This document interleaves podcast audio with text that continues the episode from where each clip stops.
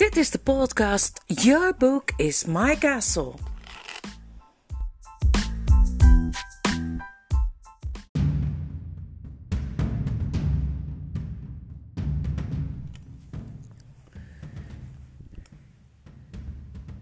Dit is voor mij de laatste week van het jaar 2021. En ik probeer nog wat podcastafleveringen te maken. Dit is dan de 57ste aflevering. En we gaan bezig met het hoofdstuk 10 van Het paard en de jongen. Uit de serie Narnia. Maar dat wisten jullie al. Ja, ik ben aan het piekeren wat ik nou moet doen. Of ik in het nieuwe jaar het, het tweede seizoen moet noemen. Of gewoon lekker doorgaan tot uh, aflevering 100 en het dan pas seizoen 2 moet noemen. Ik heb geen idee. Maar goed. Hoofdstuk 10, daar staat boven de kluizenaar van het grensgebied in het zuiden. Toen ze een paar uur lang het rivierdal gevolgd hadden, werd het breder en vlakker en konden ze zien wat er voor hen lag. De rivier die ze hadden gevolgd kwam hier uit in een grotere, brede en woeste rivier. Hij stroomde van links naar rechts, voor en langs naar het oosten. Achter die nieuwe rivier glooide een prachtig landschap, met lage heuvels rij aan rij, langzaam omhoog, helemaal tot aan de bergen in het noorden.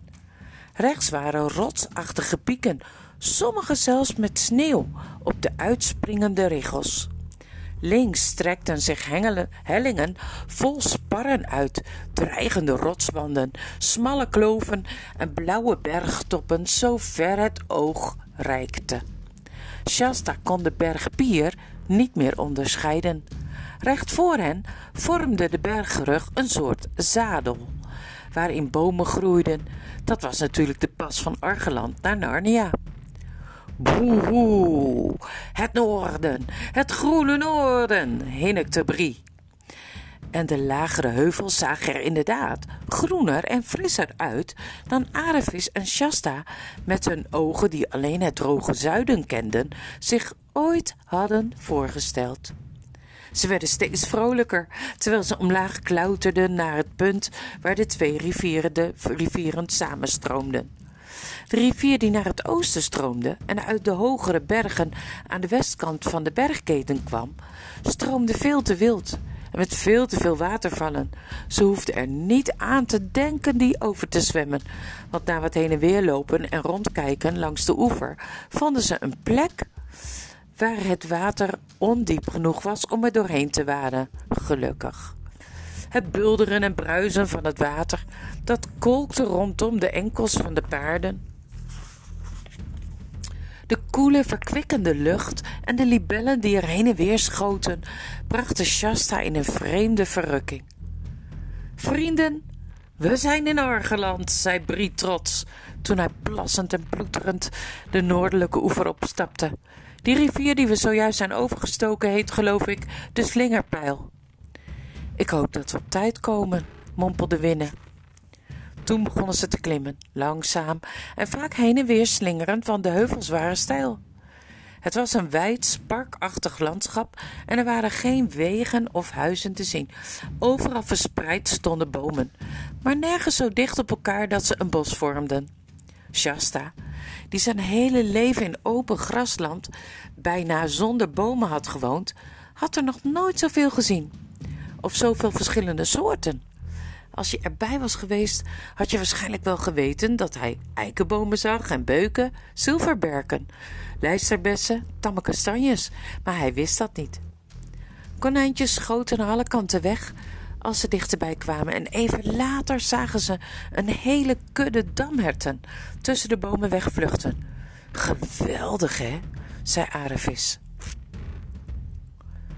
Boven op de eerste heuvelrug draaide Shasta zich om in het zadel en keek achter zich. Tashbaan was nergens meer te bekennen. De woestijn strekte zich ononderbroken, behalve dan door de smalle groene sleuf waardoor zij hier gekomen waren, uit tot aan de horizon. Hé, hey, zei hij opeens, wat is dat nou? Wat is wat nou? zei Brie. En hij draaide zich om. Winne en Arevis deden hetzelfde. Dat, zei Shasta. Hij wees in de verte. Het lijkt rook, zou er brand zijn? Een zandstorm, zou ik zeggen, zei Brie. Wel vreemd bij zo weinig wind, zei Arevis. Oh, riep Winne uit. Kijk eens, er schittert iets. Kijk, het zijn helmen en harnassen. Het beweegt, het komt hier naartoe. Bij Tash, zei Arevis. Het is het leger. Dat is Rabadas. Natuurlijk, zei Winne. Precies waar ik bang voor was. Vlug, we moeten eerder in antwoord zijn dan zij. En zonder verder nog een woord te zeggen, draaide ze zich om en schoot er in volle galop vandoor, naar het noorden. Brie gooide zijn hoofd in de nek en volgde haar voorbeeld. Kom nou, Brie, kom op, schreeuwde Arevis over haar schouder. Het werd voor de paarden een uitputtende race. Boven op elke heuvelrug zagen ze een nieuw dal met weer een heuvelrug erachter. En ook al wisten ze dat ze ongeveer de goede kant op gingen, niemand wist hoe ver het nog was naar Anvart. Vanaf de top van de tweede heuvelrug keek Shasta opnieuw achterom. Plaats van een stofwolk, ver weg in de woestijn, zag hij nu een zwarte, bewegende massa. Het leken wel mieren op de oever aan de overkant van de slingerpijl. Ze waren zonder twijfel naar een doorwaadbare plaats aan het zoeken. Ze zijn al bij de rivier, schreeuwde hij wild. Vlug, vlug, riep Aravis. Als we niet op tijd in Antwoord zijn, hadden we even goed helemaal niet kunnen komen. In galop, Brie, in galop. Vergeet niet dat je een strijdros bent. Shasta had de grootste moeite om zelf ook niet dat soort bevelen te roepen, maar hij dacht: het arme dier doet al alles wat hij kan. En hij hield zijn mond. En inderdaad deden de beide paarden zo niet alles wat ze konden, dan toch alles wat ze dachten dat ze konden. Dat is namelijk niet helemaal hetzelfde. Brie had Winnen ingehaald en zij en zij denderden ze over het zachte gras. Het zag er naar uit dat Winnen het beslist niet lang meer zou volhouden. Op dat moment vergaten ze alle vier totaal hun vermoeidheid door het geluid dat ze achter zich hoorden. Het was niet het geluid dat ze elk ogenblik hadden verwacht. Het gestamp van hoeven en het rinkelen van harnassen, met misschien een Calormeense strijdkreet ertussendoor. Toch herkende Shasta het onmiddellijk. Het was hetzelfde grauwende brullen dat hij gehoord had in die nacht vol maanlicht toen ze Arevis en Winnen voor het eerst hadden ontmoet. Brie herkende het ook. Zijn ogen gloeiden rood op en zijn oren lagen plat tegen zijn schedel. Nu ontdekte Brie dat hij nog niet echt zo hard ging als die kon. Nog niet helemaal op zijn allerhardst. Shasta voelde meteen het verschil. Nu reden ze werkelijk op hun snelst. In een paar seconden lagen ze al flink op winnen voor. Dat is niet eerlijk, dacht Shasta. Nou dacht ik toch echt dat we hier veilig zouden zijn voor leeuwen. Hij keek over zijn schouder. Het was maar al te duidelijk allemaal. Het was maar al te duidelijk allemaal. Een reusachtig goudbruin beest kwam achter hen aan zijn lichaam laag tegen de grond gedrukt, zoals een kat die het grasveld overschiet om bij een boom te komen, omdat er een vreemde hond in de tuin loopt. En met elke tel kwam het dichterbij. Hij keek weer voor zich en wat hij daar zag, drong niet goed tot hem door. Hij dacht er niet eens bij na. De weg voor hem werd versperd door een gladde groene wal van een meter of drie hoog. Midden in die graswal was een poort die open stond. Midden in de doorgang stond een lange man, gekleed in een mantel die tot op zijn blote voeten viel en die de kleur had van herfstbladeren. Hij leunde op een rechte staf, zijn baard hing bijna tot op zijn knieën. Dat zag Shasta allemaal in een flits. Toen keek hij weer achterom.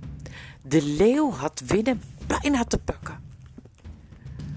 Hij hapte naar haar achterbenen.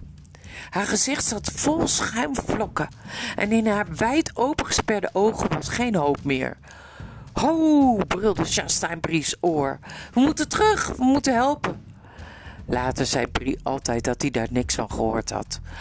Of het niet had verstaan. En omdat hij doorgaans een heel eerlijk paard was, zullen we dat moeten geloven. Shasta liet zijn voeten uit de stijgbeugels glijden, gooide zijn benen naar de linkerkant, aarzelde één afschuwelijk ogenblik en sprong.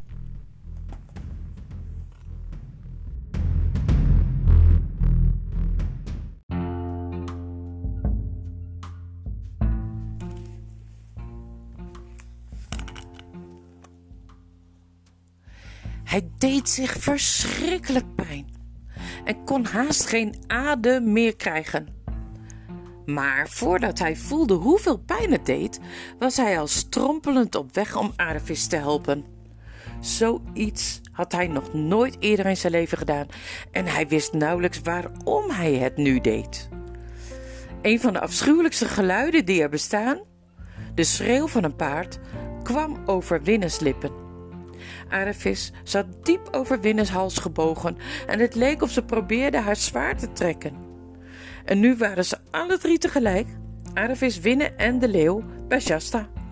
Vlak voordat hij, dat, voordat ze bij hem waren, kwam de leeuw overeind op zijn achterpoten, groter dan je van een leeuw zou verwachten, en klauwde naar Aravis met zijn rechter voorpoot. Shasta zag al die verschrikkelijk scherpe nagels uitsteken. Aravis gilde en wankelde in het zadel. De leeuw haalde haar schouders open. Shasta, half gek van angst, slaagde erin op de leeuw af te wankelen. Hij had geen wapen, zelfs geen stok of een steen.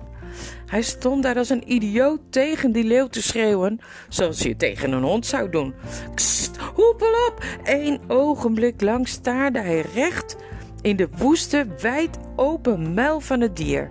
Toen, tot zijn opperste verbazing, hield de leeuw, die nog steeds op zijn achterpoten stond, zich in, draaide zich hals over kop om en rende weg. Shasta was ervan overtuigd dat hij terug zou komen. Hij draaide zich om en rende zo hard hij kon naar de poort in de groene wal, die hem nu voor het eerst binnenschoot. Winne ging juist struikelend en bijna vallend de poort binnen. Arevis zat nog steeds in het zadel, maar haar rug zat vol met bloed. Kom binnen, mijn dochter, kom binnen, hoorde hij de man met de baard en de mantel tegen haar zeggen. En toen, kom binnen, mijn zoon, terwijl Shasta hijgend naar hem toe kwam rennen. Hij hoorde de poort achter zich dichtgaan. En de baardige vreemdeling was al bezig Arevis van haar paard af te helpen. Ze stonden op een wijde, volkomen ronde, beschutte plek met een hoge groene graswal eromheen.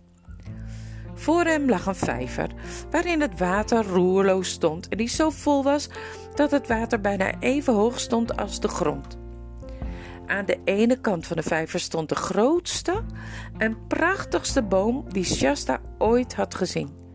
De hele vijver werd door zijn takken overschaduwd. Aan de overkant van de vijver stond een laag stenen huis met een dik eeuwenoud rieten dak erop. En er klonk gemekker en helemaal aan de andere kant van de binnenplaats liepen een paar geiten. De grond was helemaal vlak en begroeid met fijn gras. Bent, bent, bent u, hijgde Shasta, bent u koning Lune van Argenland? De oude man schudde zijn hoofd. Nee, antwoordde hij met zachte stem. Ik ben de kluizenaar van het grensgebied in het zuiden. Maar nu, mijn zoon, moet je geen tijd meer verknoeien met vragen stellen, maar gehoorzamen. Deze jonkvrouw is gewond. Jullie paarden kunnen niet meer. Rabedash is op dit ogenblik op zoek naar een plaats waar hij de slingerpijl kan oversteken. Als je nu wegrent zonder één moment te rusten, kun je nog op tijd komen om koning Lune te waarschuwen. Shasta's hart zonk hem in de schoenen toen hij dat hoorde, want hij had het gevoel dat hij niet meer kon. Van binnen kromp hij in elkaar om de vreedheid en de oneerlijkheid. Zo leek hem dat althans van die opdracht. Hij had nog niet geleerd dat als je één goede daad doet, je beloning meestal is dat je er nog één mag doen, een moeilijkere, een betere. Maar alles wat hij hardop, maar alles wat hij hardop zei was: Waar is de koning dan? De kluizenaar keerde zich om en wees met zijn staf. Kijk, zei hij, daar is nog een poort. Recht tegenover die waardoor je binnen bent gekomen. Doe die open, ga recht door. Al, door, maar recht door. Of het vlak is of stijl, of het effen is of ruig, of het droog is of nat. Door mijn toverkunst weet ik dat je koning Lune recht voor je uitvinden zult. Maar rennen nu, rennen. Door blijven rennen. Shasta knikte, rende naar de Noorderpoort en verdween erachter. Toen nam de kluizenaar Arevis, die haar al die tijd met zijn linkerarm ondersteund had, en leidde haar, het was bijna dragen, het huis binnen. Na lange tijd kwam hij weer naar buiten. Zo, vrienden, zei hij tegen de paarden, nu is het jullie beurt. Zonder op antwoord te wachten, ze waren ook veel te uitgeput om iets te zeggen, deed hij hun de hoofdstellen en zadels af. Ros kamde ze helemaal zo grondig dat een stalknecht in de stallen van een koning het hem niet verbeterd zou hebben. Zo, vrienden, zei hij, denk nu verder nergens meer aan en rust maar eens lekker uit. Hier is water, daar is gras. Jullie krijgen zo een emmer warm voer als ik mijn andere vriendinnen, de geiten, gemolken heb.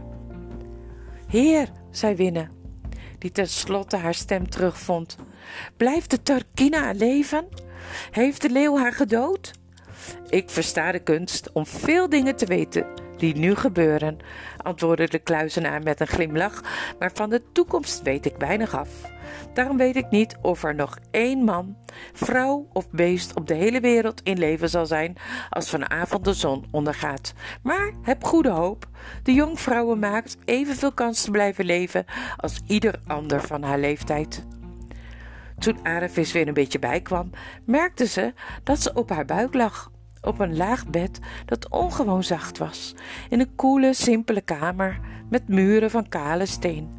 Ze begreep eerst niet waarom ze op haar buik was gelegd, maar toen ze probeerde zich om te draaien en over haar hele rug de hete, brandende pijn voelde, voelde herinnerde ze zich alles en snapte ze het. Ze begreep niet wat dat voor heerlijk verend spul was waar haar bed van gemaakt was, want het was een bed van hij daar maak je de fijnste matrassen van. En hij was iets wat ze nog nooit gezien had en waarvan ze zelfs nog nooit gehoord had. De deur ging open en de kluizenaar kwam binnen met een grote houten nap in zijn hand. Hij zette hem voorzichtig neer en kwam naar haar bed. Hij vroeg: Hoe voel je je, mijn dochter? Mijn rug doet erge pijn, eerwaarde, zei Arevis, maar verder is alles goed met me. Hij ging op zijn knieën naast haar zitten, legde zijn hand op haar voorhoofd en voelde haar pols. Je hebt geen koorts, zei hij. Je zult weer snel beter zijn. Er is geen enkele reden waarom je morgen niet weer op de been zou zijn. Maar drink nu eerst dit eens op. Hij haalde de houten nap en zette het aan haar lippen. Aravis trok een vies gezicht toen ze het proefde. Ze kon het niet helpen, want geitenmelk is iets waar je eerst wel even aan moet wennen, als je het niet kent. Maar ze had erge dorst en ze dronk alles op. En toen ze klaar was, voelde ze zich een stuk beter. Zo, kind, nu kun je gaan slapen wanneer je maar wilt, zei de kluizenaar. Want je wonden zijn schoongewassen en verbonden. En al doen ze nog pijn, ze zijn niet ernstiger dan als het zweepslagen waren geweest. Het moet wel een vreemde leeuw zijn geweest, want in plaats van je uit het zadel te trekken en zijn tanden in je te zetten, heeft hij alleen zijn klauw over je rug gehaald. Tien krabbels, wel pijnlijk, maar niet diep of gevaarlijk. Nee, maar, zei Aravis, dan heb ik geluk gehad, zeg. Kind, zei de kluizenaar, ik heb nu al 109 winters in deze wereld meegemaakt. En nog nooit heb ik geluk hebben tegengekomen. Er is iets met dit alles aan de hand wat ik niet begrijp. Maar als we het ooit moeten weten, kun je er gerust op rekenen dat we het te weten komen. En Rabbedash? Met zijn 200 ruiters? vroeg Aravis. Ik denk niet dat die hier voorbij zullen komen, zei de kluizenaar. Die zullen nu wel een doorwaadbare plaats hebben gevonden en een flink eind verderop naar het oosten. Vandaar zullen ze rechtstreeks naar Antwoord proberen te rijden. Die arme Shasta, zei Aravis, moet hij ver? Komt hij er het eerst? Daar heb ik goede hoop op, zei de oude man. Aravis ging weer liggen, deze keer op haar zij en zei: Heb ik lang geslapen? Het lijkt alsof het weer donker wordt. De kluizenaar stond door het enige raam dat op het noorden uitkeek naar buiten te kijken. Dit is niet de duisternis van de nacht, zei hij na een poos. Er komen wolken omlaag rollen vanaf de hoogte van Stormnes. In onze streken komt het slechte weer daar altijd vandaan. We krijgen vannacht dichte mist.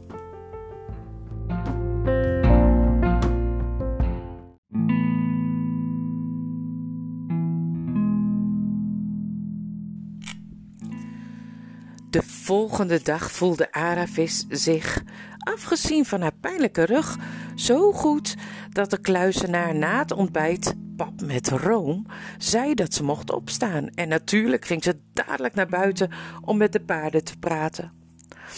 Het was ander weer geworden. En die hele groene omsloten plek was als een grote groene kom tot de rand gevuld met zonlicht. Het was er heel vredig, stil en verlaten. Winne kwam meteen naar Arevis toestappen en gaf haar een paardenkus. Maar waar is Brie? zei Arevis toen ze allebei naar elkaars gezondheid en nachtrust hadden gevraagd. Daar ginds, zei Winne, en ze wees met haar neus naar de andere kant van de cirkel. En ik zou wel willen dat jij eens met hem ging praten. Er is iets met hem. Ik kan geen woord uit hem krijgen. Ze wandelden samen naar hem toe en zagen Brie met zijn gezicht naar de graswal liggen. Hij moest hem wel horen aankomen, maar hij draaide zijn hoofd niet om en zei geen woord. Goedemorgen, Brie, zei Aravis, hoe is het? Brie mompelde iets wat niemand kon verstaan. De kluizenaar zegt dat Shasta waarschijnlijk nog op tijd bij koning Lune is aangekomen, zei Aravis verder. Dus het lijkt erop dat onze zorgen voorbij zijn. Eindelijk naar Narnia, Brie. Ik zal Narnia nooit te zien krijgen, zei Brie zacht. Voel je niet lekker, lieve Brie? zei Arevis. Eindelijk draaide Brie zich om, met zo'n droevig gezicht als alleen een paard kan trekken. Ik ga weer terug naar Calormen, zei hij. Wat? zei Arevis. Weer terug de slavernij in? Ja, zei Brie. Slavernij is het enige waar ik geschikt voor ben. Hoe kan ik ooit mijn gezicht laten zien bij de vrije paarden van Narnia? Ik, die een merrie en een meisje en een jongen achterliet om opgegeten te worden door leeuwen, terwijl ik zo hard als ik kon weggalopeerde om mijn eigen vegenlijf te redden. We zijn allemaal zo hard als we konden weggerend, zei Winne. Shasta niet, brieste Brie. Hij rende tenminste de goede kant op. Hij rende terug. Daarover schaam ik me nog het meest. Ik, die mezelf altijd een strijdros heb genoemd en pochte over honderden veldslagen, dat ik verslagen moest worden door een kleine jongen, een kind, een veulen, die nog nooit een zwaard heeft vastgehouden, die zijn hele leven nog nooit een goede opvoeding of een goed voorbeeld heeft gehad. Ik weet het, zei Arevis. Zo voelde ik me ook. Chester was fantastisch. Ik ben net zo erg als jij, Brie. Als sinds we jullie zijn tegengekomen, heb ik hem hooghartig behandeld en op hem neergekeken. Nu blijkt hij de beste te zijn van ons allemaal. Maar volgens mij is het beter dat we op hem wachten en hem zeggen dat we er spijt van hebben. En dan terug, dan terug te gaan naar Calormen. Jij hebt makkelijk praten, zei Brie. Je hebt jezelf niet te schande gemaakt. Maar ik heb alles verloren. Mijn beste paard, zei de kluizenaar, die bij hen was komen staan, ongemerkt, omdat hij met zijn blote voeten bijna geen geluid maakte op dat zachte, bedauwde gras. Mijn beste paard, je hebt niets anders verloren dan je eigen dunk. Nee, nee, vriend. Leg maar niet je oren tegen me in je nek. Schud maar niet met je manen. Als je werkelijk zo nederig voelt als je daarnet klonk, moet je leren de feiten onder ogen te zien. Je bent niet helemaal zo'n geweldig paard als je zelf was gaan geloven, doordat je te midden van arme, niet sprekende paarden woonde. Natuurlijk was jij dapperder en slimmer dan zij. Dat kon ook haast niet anders. Dat wil nog niet zeggen dat jij in Narnia zo'n bijzonder iemand zult zijn. Maar zolang je maar beseft dat je niet zoiets bijzonders bent, zul je over het geheel genomen een heel aardig paard zijn. Zo, en als jij en mijn andere viervoetige vriendin nu meegaan naar de keuken, zullen we eens kijken of er nog wat van dat voer overgebleven is.